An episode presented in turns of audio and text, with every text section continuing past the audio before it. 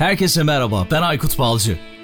Teknoloji, iş dünyası ve dijitalde trendleri konuştuğumuz Dünya Trendleri Podcast serisinin yeni bölümüne hepiniz hoş geldiniz. Dünya Trendleri Podcast'in 139. bölümü. Bu bölümde konuğum daha önce 107. bölümde konuk ettiğim 6G ve büyük veri çağını konuştuğumuz Sabire Sanem Yılmaz oldu. Sabire Sanem Yılmaz 2013 yılından bu yana kişisel verilerin korunması, yapay zeka hukuku ve bilişim hukuku alanında çalışmalarını sürdürüyor. Tıp alanında kişisel verilerin korunması adında bir kitabı var ve benim de yakından takip ettiğim bir teknoloji hukukçusu kendisi. Bir önceki bölümde sizden gelen istekler doğrultusunda onu yeniden konuk ettim. O da sağ olsun beni kırmadı. Yine güzel bir bölüme imza attık. Bu bölümde beyin makine arayüzü teknolojisi ve mahremiyeti konuştuk. 139. bölüme başlıyoruz.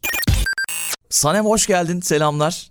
Merhabalar, selam Aykut. Tekrar bir arada olmak çok güzel. Çok çok iyi oldu. Seni çok yakından takip ediyoruz. Tekrar seni konuk etmek istedik çünkü yoğun bir şekilde o bölümü dinleyen dinleyicilerimiz bir kez daha Sanem Hanım podcast'in konuğu olmalı diye bana yorumlarda bulundular ve ben de onları kırmadım açıkçası ve seni de bir kez daha burada konuk etmekten keyif duyuyoruz. Önemli şeyler anlatacaksın yine bu bölümde. Çok çok sağ ol. Çok teşekkürler. Ben de davet ettiğin için çok teşekkür ediyorum. Olumlu dönüşler için de aynı şekilde. Rica ediyorum. Aslında uzun zamandır kafamda planlıyordum. Geçtiğimiz günler içerisinde Amazon Prime'da yeni bir dizi başladı. Peripheral diye. Bilmiyorum takip ettin Evet. mi? Henüz bakmadım ama duydum. Her bir cuma arkadaşımdan duydum yani izlemelisin sen bunu dedi mutlaka. kesinlikle ben de aynı şekilde tavsiye ediyorum. Her cuma bekliyorum yeni bölümü ve onu izlerken bir anda sen aklıma geldin. Aa dedim biz beyin ve bilgisayar arayüzüyle alakalı bir bölüm yapacaktık. Bununla ilgili de bizi dinleyen podcast severlerden de Sanem Hanım'ı konuk etmelisiniz tekrar diye olumlu geri dönüşler olmuştu. Hemen sonra sana ulaştım ve çünkü bu konuda senin de yapmış olduğun bir çalışman var. Beyin, bilgisayar arayüzü ve mahremiyet konusunda. Hemen seni konuk etmek istedim ve sağ ol sen de hemen kabul ettin ve bu bölümü gerçekleştiriyoruz. Çok teşekkür ediyorum tekrardan. Peki istersen biraz son dönem içerisinde neler yapıyorsun? İlk bölümde seni tanımıştık ama şu anda neler yapıyorsun? Belki biraz onlardan bahsedelim. Öyle başlayalım sonra da konumuza gireriz diye düşünüyorum. Tamam. Yani geçen seneden bu yana artık geçen sene diyeceğim. Ee, Geçen seneden bu yana aslında kendime hem insan hakları eğitimleriyle ilgili hem de yapay zeka ile ilgili oldukça katkıda bulunacak bir takım aktivitelere eriştim, ulaştım, gittim, eğitimini aldım vesaire falan filan. İtalya'daydım. Halen de İtalya yolculuğum devam ediyor. Gidip geliyorum. İşte bu yakın zamanda da Brüksel'e gideceğim bir konferans için. Açıkçası bu aralar sürekli şeyle geçiyor. Yani hem eğitim vermek hem eğitim almakla dolu e, günler yaşıyorum. Dolayısıyla kendimi şu an yapay zeka regülasyonlarına daha yakın hissetmeye başladım. Çünkü gerçekten regülasyonları oluşmasında birebir çalışan hocalarla da tanışma ve çalışma fırsatım oldu. O nedenle yani aslına bakarsan bir seneyi tamamlamadan kendime çok olumlu katkılarda bulundum e, diye tahmin ediyorum. E, Hem de tabii bunları aktarıyorum ve paylaşmayı da çok seviyorum biliyorsun. E, Durum bu. Kesinlikle sosyal medyadan da ben çok çok takip ediyorum seni. Böyle WhatsApp gruplarında da çok aktifsin. Bulduğun en ufak bir şeyi hemen paylaşıyorsun. O da çok çok değerli gerçekten. Bazı insanlar paylaşmıyor, kendine saklıyor. Ama yani bilgi paylaştıkça büyüyor denir ya işte gerçekten onu çok güzel bir şekilde yapıyorsun. Çok çok sağ ol. Teşekkür ediyorum sana Kesinlikle. bir kez daha. Ben de teşekkür ederim tekrar. Beyin makine arayüzü teknolojisi ve mahremiyet konusunda daha çok hukuki açıdan siz bir makale yayınladınız. Evet. Böyle bir araştırma yapma gereği niye hissettiniz? Belki bununla başlayabiliriz. Açıkçası yani hani Başak hocama ulaşmadan önce Başak Ozan Özparlak değerli e, hocamla beraber bu makaleyi yazdık. Ben Başak hocama ulaşmadan önce açıkçası bu teknolojiyle ilgili ya bunun sağlık tarafı ile ilgili açıkçası ilgileniyordum ve e, biraz da ilerisini düşünmeye başladım. Yani tıbbi cihazlar ve bunların işte implantlar, sensörler vesaire falan filan bunun ilerisi geleceği ne olur diye düşünmekle başladı esasında. E, Bir de çok yani yakınımda olan bir insanın EEG verilerini her yani kontrolde, sağlık kontrolünde tanık oluyordum ve bu verilerle ne yapıldığını işte bu beyin dalgalarıyla ne yapıldığını ve bu beyin dalgalarının nasıl kontrol altına alındığını yak- yakından tanık oldum. E, daha sonra da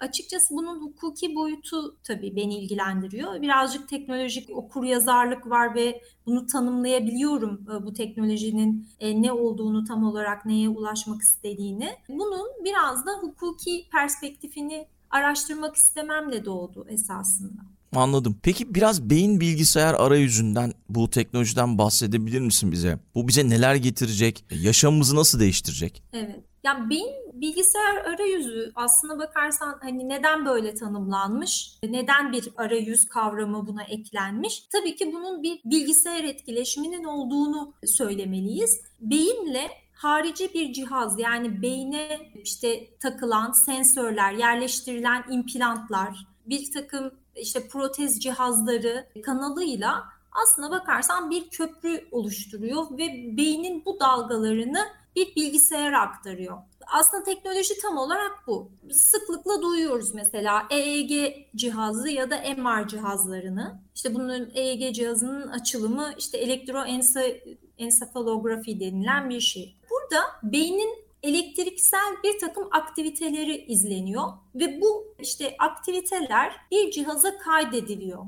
Bugün artık bu kaydedilen cihazlar internete bağlı. İnternet işte internetin şeyi diyoruz ya işte internet of things dediğimiz şeylerin interneti. Artık kablosuz bir ağ bağlı bir aktivite izleme cihazından bahsediyoruz. Bir günde bu cihazlar işte bir günde demeyelim aslında bu e, cihazların çalışımı e, bir 1950'li yıllardan beri var olan bir şey ama dillendirildiği aşama tam olarak aslına bakarsan hem Kolombiya Üniversitesi'nde yapılan araştırmalarla hem de Elon Musk'ın duyurduğu e, Neuralink'le. Neuralink projesiyle aynen gündeme geldi. Açıkçası hani Neuralink projesini bir üniversitenin araştırması kanalıyla vesaire öğrenmedim. Tamamen magazinel ya da işte Elon Musk'ın açıkladığı bir takım kısa açıklamalarla nereye varmak istediğini e, bilebiliyorum. Bununla ilgili akademik bir çalışmaya rastlamadım ben.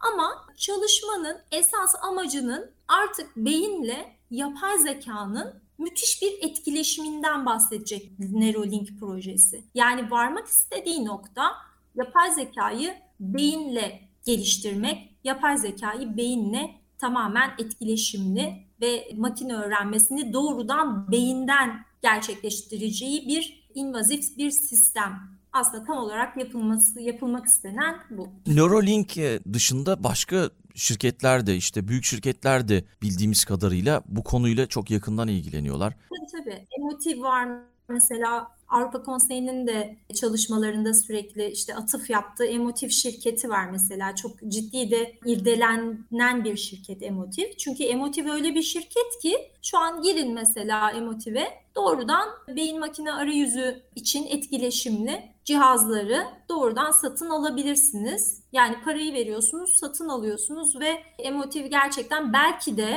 en denetimsiz şirketlerden biri mi bilmiyorum. Yani ama sanki öyle gibi görünüyor. Çünkü ben yeterince bir şey açıklamaya rastlayamıyorum. Yani Emotiv'deki kullanılan cihazların tam olarak ne için kullanıldığı, işte performans değerlendirme, performansı ölçme deniyor. İşte beyin aktivitelerini düzenlemeye kadar giden aslında cihazlar gibi düşünüyorum. Bu sensörleri ya da işte bu protezleri e, satın alabiliyorsunuz. Başka bir şirket mesela MUS var. O da işte Toronto merkezli bir girişim. O da beyninizde neler olup bittiği hakkında işte gerçek zamanlı bilgi veren algılayıcı cihazlar, kafa bandı geliştirdi biliyorsunuz. O var. Bu mesela bunun amacının çalışanların stresini azaltmak, çalışma kapasitelerini yükseltmek, iş yerine işte bağlılıklarını ya da iş yerindeki aktivitelerini geliştirmek gibi bir takım kurumsal sağlık programları içerdiğini de ifade etti. Dolayısıyla peki bu programlar yani bunun için kullanılır mı? Tabii ki anlatacağız. Yani hukuken neler ifade ediyor onları da konuşacağız burada. Ama anladığım kadarıyla son yıllarda çok hızlı bir şekilde ilerliyor. Çünkü yanlış hatırlamıyorsam ilk EEG cihazı 1920'li yılların ortalarında kullanılmaya başlanmış. Yani 100 senelik bir geçmişi var aslında baktığımızda. Ama oradan buraya geldiğimizde son yıllarda yapay zekanın gelişmesi, işte metaverse ortaya çıktı. Hepsinin birbiriyle bağlantılı olduğunu düşünüyorum. Sen ne düşünüyorsun? Yani tabii ki birbiriyle bağlantılı. Bir de yani geçmişte aslında bakarsan çok ileride bu teknoloji çok ilerideyken belli riskler ve korkular nedeniyle ya da e, bir takım işte ambargolar ya da engellemeler nedeniyle bence yeterince açıklanamamış. Yoksa e, bu gelişimin yani ben şimdi bu son 20 yılda falan olduğunu düşünmüyorum yani. Bundan çok çok önce aslına bakarsan bu EEG cihazlarının EEG cihazlarından elde edilen ya da kaydedilen verilerin ne için kullanılabileceğini bilim adamları çok öncesinden biliyormuş aslında. Yani bu çok hani bunu tahmin etmek çok zor bir şey değil. Evet doğru. Peki yani yaşamımızı nasıl değiştirecek. Bu işte yakın zamanda gelmeyecek öyle tahmin ediyoruz. Ama gelirse de bu bize neler getirecek, yaşamımızı nasıl değiştirecek? Belki biraz bundan bahsedebiliriz. Yani yaşı, yaşamımızı nasıl değiştirecek e, sorusuyla beraber ben bir hukuk insanı olarak daha çok bunun regülasyon tarafına baktığım zaman yaşamımızı değiştirirken bir takım regülasyonlara da takılacak. Dolayısıyla teknoloji, işte regülasyonlar teknolojinin hızını yavaşlatacak mı? Bu gerçekten e, çok daha sorulması gereken bir soru ki öyle görünüyor. Çünkü yakın dönemde biliyorsun AI Act, yapay zeka konvansiyonu kabul edildi. Bütün kurumların ve özel sektörün görüşleri alındı vesaire işte son şekli verildi ve şu an hayatımızda 2024'ün sonuna kadar da gerçek manada bütün şirketlerin, yapay zeka alanında çalışan şirketlerin bu yapay zeka konvansiyonuna uyumlarının, regülasyona uyumlarının tamamlanması gerekecek. Dolayısıyla hayatımızda getireceği kolaylıkların regülasyonuna bağlı olarak düzenlenmesi gerektiğini söyleyebilirim. Tabii ki işte beyin makine arayüzlerinin gerçek amacının şu olduğunu düşünmek istemiyorum. Yani insanları bir robota çevirmek, bir robo human yaratmak olduğunu düşünmüyorum. Yani bunu düşünmek istemiyorum daha doğrusu. İyiyi düşünürsek yani bugün zaten felçli bir hastanın ya da işte motor işte korteksinin mesela tam anlamıyla çalışmayan bir hastanın bütün yetilerini yerine getirebilecek implant teknolojisinin var olduğunu biliyoruz. Doğru. Bir sonraki aşama yani bu zaten yapılabiliyor. Bir sonraki aşama işte şeyi de söyleyelim hani Alzheimer hastasının mesela hafızasının yerine getirilmesiyle ilgili de teknoloji mevcut. Bir sonraki aşamada insanların kendi duygularıyla ya da işte beyindeki sinyalleriyle nesneleri kontrol ettiği aşama. Bunun da denendiğini biliyorum. Yani kontrol amaçlı denendiğini biliyorum ama bununla ilgili işte kısmi videolar yayınlanıyor. İşte Kolombiya Üniversitesi'nde de yayınlandı. Dolayısıyla burada nesneleri kontrol etme amacıyla ilgili regülasyonların tam olarak ne cevap vereceğini konuşmak lazım. Yani ne cevap vereceğini değil aslında ne cevap verdiğini. Bu teknolojilerin yüksek işte risk içeren teknolojiler olduğunu kabul ediyor yapay zeka regülasyonu. Çünkü diyor ki aynı parmak izi gibi beyin makine arayüzlerinden elde edilen veriler de biyometrik veridir. Dolayısıyla biyometrik verinin de işlendiği alanların kontrolünde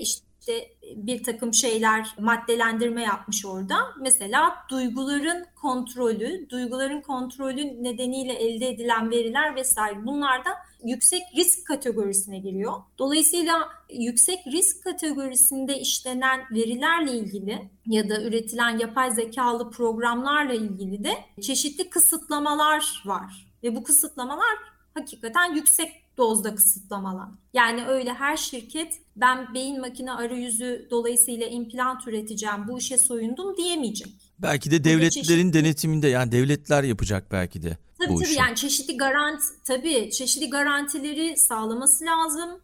Bu bir. İkincisi çok boyutlu çalışmalar gerektirecek. Yani bu çok boyutlu çalışmalardan kastım ne? Multidisipliner ekiplerin her bir zincirin buna onay vermesi gerekecek.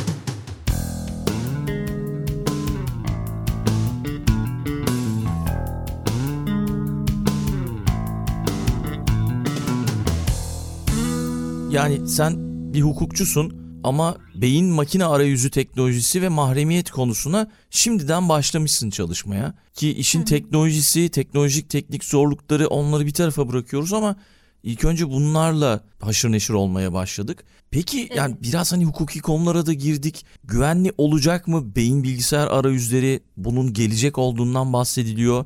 Bizi ne gibi olası sorunlar bekliyor? Belki bunlardan bahsedebiliriz. Şimdi az önce biraz bahsettik ama tam olarak girebiliriz. Aynen öyle. Yani şimdi tabii güvenli olacak mı sorusu eğer güvenli bir ortam sağlanırsa güvenli olacak. Ancak her an tabii kablosuz ağa bağlı olan insanın düşüncelerinin, duygu durumunun hacklenmesi söz konusu olabilir. Burada çeşitli manipülasyonlar yani özellikle siber saldırılar gerçekleşebilir. Dolayısıyla robota çevirdiğimiz insanların işte sadece bilgisayardaki verilerinin hacklenmesinden değil düşünebiliyor musunuz? Yani beyindeki çipe doğrudan siber saldırının gerçekleştiğini e, hesaba katarsak Periferal dizisinde şöyle bir şey düşünmüşler. evet evet Beynin bir bilgisayar olduğunu düşünelim. Değil mi? Şu anda biz iki bilgisayar aracılığıyla konuşuyoruz seninle. Ama işte uzaktan bir programla birbirimize bağlanıyoruz. Dolayısıyla Hı yani işte TeamViewer gibi uzaktan programla ben senin bilgisayarına girip ya da hackleyip girip senin bilgisayarındaki her şeyi görebiliyorum. Orada da şöyle yapmışlar. Bir kişi diğer bir kişinin beyninin içerisine girebiliyor. Bir hareketle işte böyle. İşte Evet. parmaklarını çeviriyorlar. Bir hareketle onun içerisine, beynin içerisine giriyor ve onun gözünden her yeri görüyor. Diğeri de onun bedeninin içerisine giriyor. Uçuk bir şey gibi gelebilir ama beynin bilgisayar olacağını düşünürsek ikisinin de be- aslında hiç uçuk bir şey değil. değil değil mi yani? Evet. Hayır, hayır. Yani şu konuştuğumuz hiç uçuk bir şey değil yani. Şu an için bu gelinen teknoloji zaten bunu başarmış durumda. Yani bunu yapamaz diye bir şey söz konusu değil. Sadece nasıl mesela yapay zekanın hani opaklık kısmı var mesela açıklanamayan black box tarafı var. Yani insan beyninin açıklanamayan kısmının olmadığını düşünemeyiz yani bunu hesaplanamayan ya da açıklanamayan ve girilemeyen çok alanı olduğunu düşünüyorum. Ama tabii yani şu var. Şimdi insan beynine baktığınız zaman inanılmaz miktarda bilgiyi süper hızlı iletebilen ve işte saniyede 60 bin terabit ve işte saniyede 7500 terabayt bir şeyden bahsediyoruz. Ve bugün normal yani bizim e, kullandığımız internet bağlantısından çok daha hızlı, hızlı veri ileten bir mekanizmadan bahsediyoruz. Dolayısıyla yani bu mekanizma yani insan beyni büyük bir bilgisayar ama bir bilgisayarla da sınırlayamayacağımız kadar da duygu geçişlerinin olduğu bir mekanizma aynı zamanda. Dolayısıyla bugün aslında bakarsanız yapay zeka çalışanlar ve buna Elon Musk da dahil insanı yönetmeye çalışan, yönetmek isteyen bir mekanizma oluşturmaya çalışıyor aslında. İşte transhuman dediğimiz insan ötesi bir varlık geliştirmeye çalışıyor. Şimdi bunun yanında dediğiniz gibi ben işte o insanın çipini takıp yani kullandığı çipi takıp çünkü o çipe bir veri kaydoluyor. O insanın beyin sinyalleriyle hayatı görmeye çalışacağım. O insan mı olacağım o zaman? Yani o insana mı benzeyeceğim ya da onun duygularını mı taşıyacağım? Bir çipi işte insandan insana şey yaparsanız mesela aktarırsanız ya da aynı elektro sinyalleri o insana mesela tanıtırsanız kablosuz bir ağıyla ve her iki insanda da aynı çiplerin olduğunu düşünün. Yani aynı elektro sinyallerin olduğu çipleri düşünün. İkisi aynı insan olacak mı ya da birbirlerinin duygularını hissedebilecekler mi? İşte burada bu soruya vereceğim cevap yani benim sadece işte teknoloji okur yazarlığımla söyleyebilirim bunu. Belki diğer uzmanlar bunu farklı düşünecekler ama ben burada yine de aynı duyguları ve aynı sinyalleri hissedemeyeceklerini düşünüyorum. Her ne kadar EEG sinyallerinin evrensel olduğunu düşünsek de yine de her insanda farklı gerçekleşen bir takım akışlar var. Dolayısıyla da o yüzden zaten bunlara biyometrik veri tanımlaması yapıyor hukuk. Benzersiz tanımlamalara da gebe olacak. Dolayısıyla da biyometrik veri olarak nitelenmesinin nedeni de o. Zaten burada da işte hukuk buradan tanımlamaya başlayacak bu sinyalleri. Ya gerçekten çok acayip yani hukuk konusu, başka konular, teknolojik konular her şey bambaşka şekilde ilerliyor, ilerleyecek. Ya filmde o birbirinin beyninin içerisine geçme durumu onu şöyle düzelteyim istersen yanlış anlaşılma olmasın. Bunu normal bir hayatta yapmıyorlar tabii ki. İşte böyle metaverse gibi tanımlayabileceğimiz bir alanda bir başlık takıp önce o diğer yaşantıya işte gidiyorlar. O diğer yaşantının içerisinde yapıyorlar. Metaverse dediğimiz yer olabilir belki. Orada yani sonuçta o normal yaşantısında bunu gerçekleştirmiyor. Orada onu gerçekleştiriyor. Ama orada da onu gerçekleştirmiş olsa sonuçta diğer kişi de başka bir yerden bağlanıyor. Şu an bizim yaptığımız gibi sen Türkiye'desin, ben Almanya'dayım. Bir alanın içerisine, internetin içerisine giriyoruz ama birbirimizin beynini okuyabiliyoruz veya birbirimizin yerine geçiyoruz. Enteresan. Yani çok enteresan tabii yani 1984 yılında biliyorsun hani George Orwell'da aslında böyle bir dünyayı tam da tasvir etmiş. Yani bir e, panoptikonun içerisinde düşünebiliyor musun? Yani bütün zihinlerin ve mahremiyetin, zihinlerin, bütün hareketlerin kontrol altına alındığı bir dünya. Yani e, oradan buraya gerçekten çok güzel atladık. Ya Elon Musk da mesela dedin ya insanları kontrol etmek istiyor. Olabilir gerçekten bu yani komple teorisi değil. Mesela Twitter'ı satın aldı. Bu da bir kontrol şekli mesela. Bambaşka bir şey söyledim şu an ama. Yani hani Yani. kontrol- tabii tabii yani şey tabii yani kontrol kontrol etmek e, çok zor bir şey değil yani şu dü- düzende. Çünkü neden? E, zaten e, dijital manipülasyon sürekli var. Yani dolayısıyla işte Twitter'a baktığın zaman mesela Twitter gerçekten çok önemli bir doğal dil işleme aracı. Doğal dil işleme aracı çünkü her dilde yazışma yapılıyor biliyorsun. Ve dönemin daha öncenin ya da çok işte 60'lı yılların öncesinin bile e, Twitter'da arşivine rastlamak ve oradaki mesela kullanılan dille, tanımlamalarla bu dünyadaki tanımlamalar ve bundan sonraki tanımlamalar Twitter'da metinsel olarak yer alıyor. Dolayısıyla iş aslında önce buralardan başlıyor. Yani metinsel olarak tanımlama. Yani insanı çözme faaliyeti aslında her biri. Yani kullanıldığında tabii ki. Yani yoksa Twitter sadece oraya işte insanların kendini rahatlaması için kullanılan bir ya da kendini ifade etmesi için kullanılan bir mekanizma olsa burada herhangi bir problem yok zaten. Ancak oradaki bütün veriler toplandığında özel bir okuma biçimiyle ya da yapay zekalı bir programla, bir makine öğrenmesiyle, algoritmik hesaplarla farklı bir forma dönüştüğünde zaten sorun başlıyor. Bu insanı ya bu teknolojilerin daha doğrusu kötüye kullanılma aşamasına binaen zaten regülasyonlar yapılıyor. İşte hukukçular da tam da burada bu teknolojileri yorumlamaya çalışıyorlar. Çünkü bu teknolojileri yorumlayamazsak ya da okuyamazsak bunu nasıl regüle edeceğimizi de e, bilemeyiz. O neden yani bu aşama çok önemli tabii. Regülasyon aşaması bu teknolojilerin aslında çok ileride olduğunu ama ancak insanın iyiliğine kullanılması gerektiğini işaret ediyor. Kesinlikle ya seçim kazandırdı. Ya Facebook, Twitter biliyorsun yani E tabii tabii. tabii. geçtiğimiz yani, yıllar içerisinde. Yani insanı insanı okumak çok zor bir şey değil yani insanın düşüncelerini ya da işte kimin nereye oy vereceğini önceden tahmin etmek vesaire falan filan. Mesela biliyorsun IKEA'nın bununla ilgili bir çalışması var. Yani şey insanların tercihleriyle ilgili çalışması var. Yani sadece bir mobilya mağazası olmaktan çıkıp acaba insanlar mobilya ile beraber neyi de düşlüyorlar ya da düşünüyorlar. Yani bunu ölçmek için geliştirdiği bir sistem var. Dolayısıyla da insanların davranışlarını izleme yolunda bir taslak sistem geliştirdi. Örneğin ben mobilya ile beraber acaba bu insanlara yeşil enerji de satsam insanların tepkisi ne olur?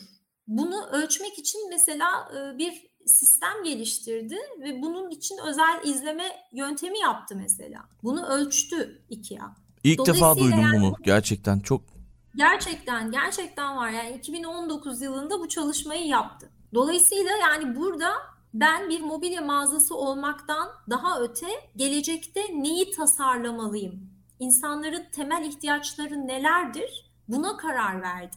Sektör, Gerçekten çok sistem- güzel. Evet, özel sektör sistem çok değişecek. Yani burada insanların duygularını okumak, duygularının sonuçlarını değerlendirmek gibi bir takım yapay zekalı sistemler oluşturuluyor. E tam da işte bugün yapay zeka konvansiyonu, yapay zeka yasası buna dur diyor. Diyor ki yani bu yüksek riskli sistemdir ve sen insanların duygularını hangi sistemlerde okuyabilirsin ya da kullanabilirsin? Bu senin meşru menfaat kapsamına girer mi, girmez mi? Bunların önüne bir çizgi çekiyor. İşte kırmızı çizgileri var bu bağlamda. Tanımladığı bir takım yani yasaklı sistemleri tanımlamış ve nerede kullanılır, nerede kullanılmaz bunları çok iyi irdelemiş. Yapay zeka tüzüğünü Gizli- kom, e, Gizli yapamaz mı bunu peki? lazım. Yani bizim Yani haberimiz gizli- olmadan. Bizim haberimiz olmadan e, yapamaz mı? Tabii ki yapabilir. Ama şu da var yani Ama e, etik değil belki bu. Tam olarak yani tam yani şöyle tam olarak gerçekleştirmek istediği şey beyne bir implant yerleştirmeden ya da bir protez yerleştirmeden esas amacını gerçekleştiremeyen bir takım sistemler var. Bunun yanında işte Twitter ya da işte Facebook gibi küresel şirketler ya da işte Google gibi dijital sağlık hizmeti sunan, işte sunmaya hazırlanan bir takım şirketler bu analizleri gizli bir şekilde yapmıyor mudur? Tabii ki yapıyor. Ama sonuçta bu alanda regüle edilmiş durumda. Burada reysen denetlemelerden de bahsediliyor. Yani bu şeyler, şirketler reysen de denetlenecek. Yani burada denetleme mekanizmaları, çeşitli sertifikasyon mekanizmaları kurulacak ve yani bu- bunun oluşumu da başladı. Avrupa Konseyi bunu işte Avrupa Birliği bunu çok sıkı takip edecek artık. Burada temel e, şey tabii ki Amerika ile Avrupa durumu ya da Çin durumu ne olacak mesela? Ülkeler akışı ya da ülkeler geçişi ne olacak? Çünkü şunu söylemek lazım. Yani beyin makine arayüzlerinin de kesintisiz çalışması ve mükemmel bir sistem kurulması için yani kullanılan cihazların, implantların, protezlerin düzgün çalışması için güvenli bir takım data setlerine de ihtiyaç olacak. Ya da yani elde edilen datayla diyelim güvenli data setleri oluşturmak gerekecek. Bu güvenli data setlerinin oluşturulması aşamasında da çeşitli sertifikasyon sistemleri öngörülüyor. Yani bu sertifikasyon sistemlerinden geçemeyen hiçbir şirket bu cihazları da üretemeyecek. Öyle de bir durum var. Bölüm içerisinde uygulama alanlarından bahsettik ama şöyle tekrar yine bir baktım uygulama alanlarına. Hemen hemen her alanda karşımıza çıkabilir herhalde. İşte iletişim ve kontrol dedik işte engelli bireylerin hayatına girecek. Onun dışında işte medikal uygulamalar daha çok karşımıza çıkıyor herhalde. Eğitim uygulamaları, işte oyun ve eğlence bu işin içinde kesin olacak. Onu göreceğiz. Kimlik doğrulama belki güvenlik bu konularda da kesinlikle karşımıza çıkacak diye düşünüyorum.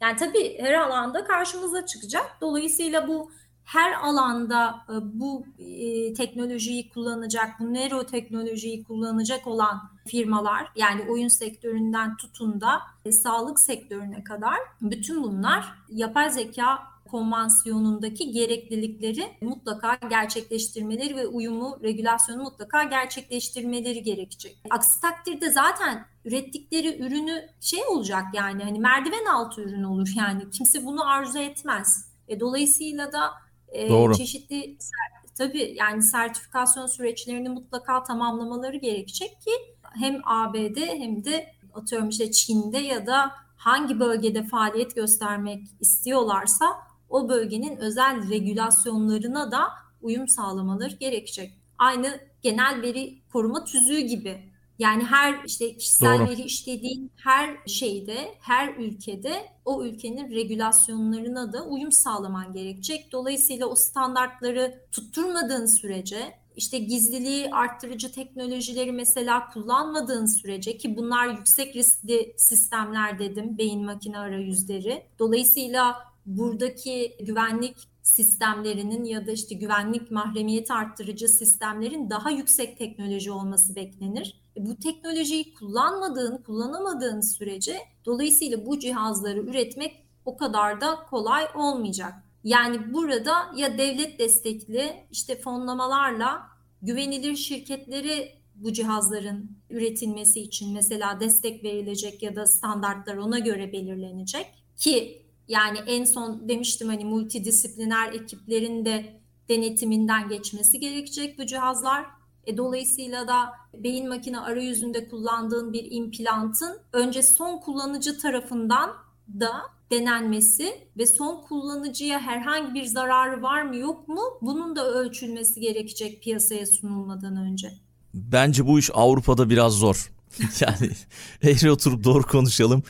Çok zor gerçekten. Hani buradaki yasalar ya, yani inanılmaz zor yasalar, yani. Yasalar katı, e, yasaların genelde ben hani Avrupa ile Amerika'yı çok ayırıyorum.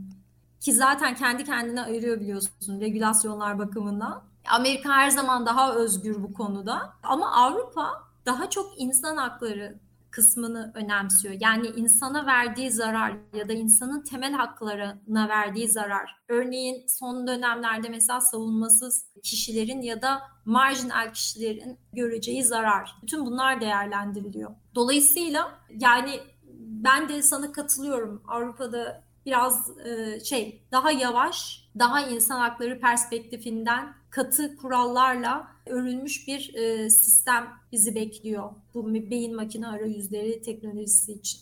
Ya bu konu aslında çok daha uzun bir podcast'te konuşulur diye düşünüyorum. Ama yaptığınız araştırma çok çok değerli gerçekten. Özellikle hukuki açıdan önemli bir kaynak oluşturmuş diye düşünüyorum. Peki belki son sözleri alabiliriz. Böyle bize söyleyebileceğin ilginç gelen, önemsediğin, söylemen gereken bir şey varsa son söz olarak onu alabiliriz belki. Yani açıkçası işin hani hukuk tarafı daha bir hukukçu olarak daha yoğun bastığı için çok ilginç gelen bir tarafı da bu işin özellikle yapay zeka konvansiyonunda dikkatimi çeken burada kullanıcının da algılarının çok açık olması gerekecek. Yani kullandığı şimdi kullanılan cihazı, sensörü ya da işte implantları işte satan ya da işte bunu pazarlayan ya da aracı firmalar vesaire falan filan. Bütün bunların tabii ki sattığı ürünü kontrol etme yükümlülüğü ya da sattığı ürünün regülasyona uygun olup olmadığını kontrol etme yükümlülüğü olduğu gibi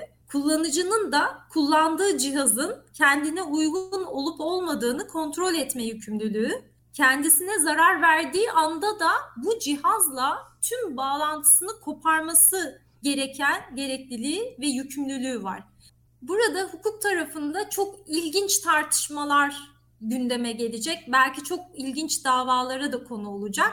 Yani kullanıcı bağlantısını kesmediği anda kendisine zarar veren bir implantı ya da sensörü kullanmaya devam ettiği anda burada işte tazminat davalarında nasıl bir kusur ya da sorumluluk gündeme gelecek? Bunlar mesela gündemin çok ciddi bomba davaları olacak diye düşünüyorum. Mesela bunları heyecanla beklerim. Yani buradaki kusur ve sorumluluk evet. bakımından insana da yani burada kullanıcıya da çok büyük sorumluluk yüklenecek. Burada kullanıcının özellikle bu sensörleri ya da implantları ve protezleri kullanırken kullandığı anda gördüğü zararların tespiti inanılmaz bir bilirkişi uzman grubunun konusu olacak. Mesela bunları kim inceleyecek ya da bunlara nasıl bir raporlandırma yapılacak? Bu da çok önemli olacak. Özellikle metaverse alanı bu cihazların verdiği zararların işte ortaya konulması bakımından çok iyi bir pratik sağlayabilir. Onu da söyleyeyim. Yani burada Metaverse'de bir simülatif mahkeme kurulup orada bu işte cihazların verdiği zararları belki hem e, işte mahkemeye hem de bilirkişi grubuna göstermek, canlı canlı göstermek orada mümkün olabilir. Böyle de bir e, düşüncem var.